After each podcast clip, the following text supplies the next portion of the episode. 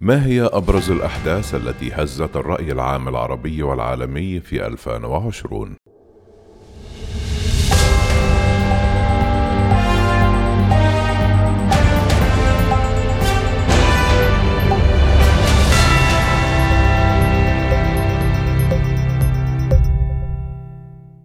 لن يكون من السهل على الكثيرين في العالم نسيان العام 2020 لما شهده من أحداث غير مسبوقة لا سيما انتشار وباء فيروس كورونا الذي أودى بحياة نحو مليوني شخص وقلب عادات الناس رأسا على عقب. وإن كان هذا الحدث هو الأبرز في هذا العام لكنه لم يكن الوحيد. اعتبرت مجلة تايم العام 2020 العام الأسوأ عبر التاريخ.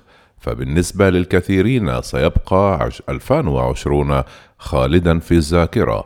تتناقله الأجيال القادمة جراء انتشار فيروس كورونا القاتل الذي غير العادات وأضعف الدول عبر العالم اقتصاديا وعالميا. فما هي أبرز الأحداث التي شهدت العالم في عام 2020 دعيت شعوب بأكملها في جميع أنحاء العالم منذ مطلع شهر شباط فبراير المنصرم إلى البقاء في الحجر المنزلي والحد من تحركاتها قدر الإمكان لكبح انتشار كوفيد 19 وتخفيض الضغط على المستشفيات. ووفقا لإحصائيات وكالة الأنباء الفرنسية أجبر أكثر من 3.9 مليار شخص حول العالم أي ما يعادل نصف البشرية على الخضوع للحجر أو طلب منهم ذلك. وكانت الصين وعلى وجه التحديد مدينة ووهان منشأ الوباء أول من فرض الحجر المنزلي على سكانها في السابع عشر من شباط فبراير المنصرم وقد بدأ الإجراء أول الأمر غريبا قبل أن تحزو حزوه عشرات الدول بعد بضعة أسابيع. من طوكيو إلى نيويورك عبر برلين أو جوهانسبرغ بدأ الكوكب تدريجيا بأكمله بتطبيق إجراءات الحجر. حيث أغلقت معظم الشركات أبوابها وكذلك المدارس والأماكن الثقافية مما حرم آلاف الأشخاص من النشاط وأصبح العمل ومتابعة الدراسة عن بعد أمرا ضروريا. أودى فيروس كورونا المستجد بحياة مليون وستمائة وخمسة وثمانون ألف وسبعمائة وخمسة وثمانون شخصا منذ ظهوره في الصين في كانون الأول ديسمبر العام الماضي. وفق تعداد يستند إلى مصادر رسمية لوكالة الأنباء الفرنسية حتى الأحد 20 كانون الأول ديسمبر.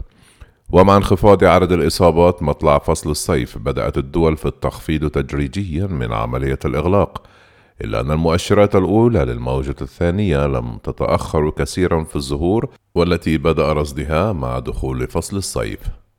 تطورت علاقات إسرائيل بعدة دول عربية في حي الزمني وجيز منذ شهر آب أغسطس الماضي. تاريخ إعلان الإمارات عن اتفاقية السلام اتفاق تاريخي مع تل أبيب برعاية أمريكية. وأكدت الإمارات أن الاتفاق ينص على وقف ضم إسرائيل لأراضٍ فلسطينية. لكن رئيس الوزراء الفلسطيني بنيامين نتنياهو أكد أن الضم أرجئ فقط ووصف الفلسطينيين الاتفاق بأنه خيانة. في الثامن عشر من تشرين الأول أكتوبر وقعت إسرائيل والبحرين في المنامة. اتفاق إقامة علاقات دبلوماسية كاملة بين البلدين وسبع مذكرات تفاهم. في الرابع عشر من تشرين الأول من أكتوبر عقدت الجولة الأولى من مفاوضات ترسيم الحدود البحرية غير المسبوقة بين لبنان وإسرائيل بوساطة أمريكية وهما دولتان مجاورتان لا تزالان رسميا في حالة حرب. وتم إرجاء الجولة الرابعة من المحادثات التي كانت مقررة في الثاني من كانون الأول من ديسمبر. في الثالث والعشرون من تشرين الأول أكتوبر أعلن دونالد ترامب بتطبيع العلاقات بين إسرائيل والسودان مؤكدا أن البلدين حقق السلام. في الثالث والعشرون من تشرين الأول من نوفمبر أفادت مصادر متطابقة أن نتنياهو أجرى زيارة غير مسبوقة إلى السعودية وعقد محادثات سرية مع ولي العهد الأمير محمد بن سلمان. بعدها نفى وزير الخارجية السعودي الأمير فيصل بن فرحان على تويتر إنعقاد أي لقاء بين ولي العهد ورئيس الوزراء الإسرائيلي. في العاشر من كانون الأول من ديسمبر أعلن دونالد ترامب أن المغرب تعهد بتطبيع علاقاته مع إسرائيل وأن الولايات المتحدة تعترف بالسيادة المغربية على الصحراء الغربية المتنازع عليها. انفجار مرفأ بيروت. يوم الرابع من آب أغسطس وقع انفجار ضخم بمرفأ بيروت. تردد صداه إلى مناطق تبعد عشرات الكيلومترات عن المدينة. أودى بحياة المئات وأوقع آلاف الجرحى إضافة إلى آلاف المشردين. ونجم عن هذا الانفجار الهائل عن 2750 طنا من مادة نترات الأمونيوم كانت مخزنة منذ ستة سنوات في مستودع بالميناء. وقام علماء الزلازل بقياس ضغط الانفجار الذي أدى إلى اقتلاع النوافذ في مطار بيروت الدولي على بعد تسعة كيلومترات أي أكثر من خمسة أميال. وهو ما يعادل زلزال بقوة 3.3 على مقياس رختر وفي إطار هذه القضية وجه الاتهام أو وجه الاتهام لرئيس حكومة تصريف الأعمال حسان دياب وثلاثة وزراء سابقين بتهمة الإهمال والتقصير والتسبب بالوفاة. انهيار وقف إطلاق النار في الصحراء الغربية بعد 29 عامًا. انهار وقف إطلاق النار بين المغرب ومقاتلي جبهة البوليساريو يوم السادس عشر من تشرين الأول أكتوبر إثر اشتباكات بين الطرفين على طول الجدار الذي يفصلهما في الصحراء الغربية والممتدة لمسافة 2700 كيلومتر تقريبا. ويعود اتفاق وقف إطلاق النار الموقع بين الطرفين تحت رعاية أممية والذي ظل صامدا نحو 30 عاما إلى سبتمبر أيلول من عام 1991 وفي شهر كانون الأول من ديسمبر عقب إعلان العاهل المغربي محمد السادس استئناف العلاقات مع إسرائيل أعلن الرئيس الأمريكي دونالد ترامب سيادة المغرب على الصحراء الغربية. وفي هذا السياق أكدت الأمم المتحدة أنها لن تغير موقفها فيما أعربت بوليساريو عن أسفها الشديد للقرار الأمريكي. هزيمة دونالد ترامب المثيرة للجدل في سباق الرئاسة الأمريكية. شهد هذا العام أيضا خسارة الرئيس الجمهوري المنتهي ولايته دونالد ترامب في الانتخابات الرئاسية أمام منافسه الديمقراطي جو بايدن وقد ثبتت الهيئة الناخبة الأمريكية بتاريخ الرابع عشر من كانون الأول ديسمبر النتيجة والتي لا يزال ترامب يرفض الإقرار بهزيمته فيها.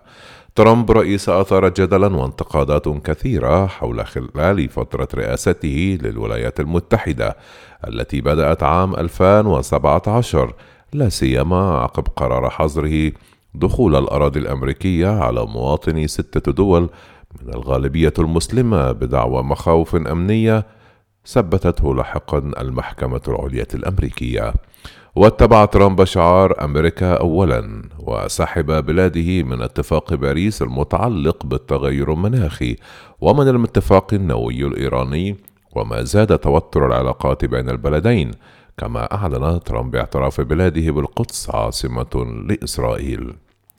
وفاة السلطان قابوس بعد نصف قرن من الحكم. توفي سلطان عمان قابوس بن سعيد يوم العاشر من يناير كانون الثاني عن عمر تسعة وسبعون عاما بعد أن قضى نحو نصف قرن في الحكم.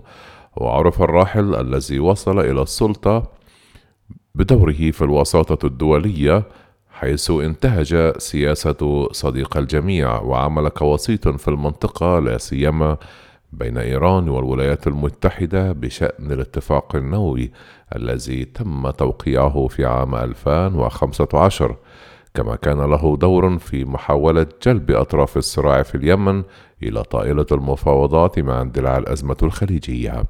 ويشار إلى أن سلطنة عمان لم تنحز إلى أي جانب في النزاع داخل مجلس التعاون الخليجي بين الإمارات العربية المتحدة والبحرين والسعودية من جهة وقطر من ناحية أخرى.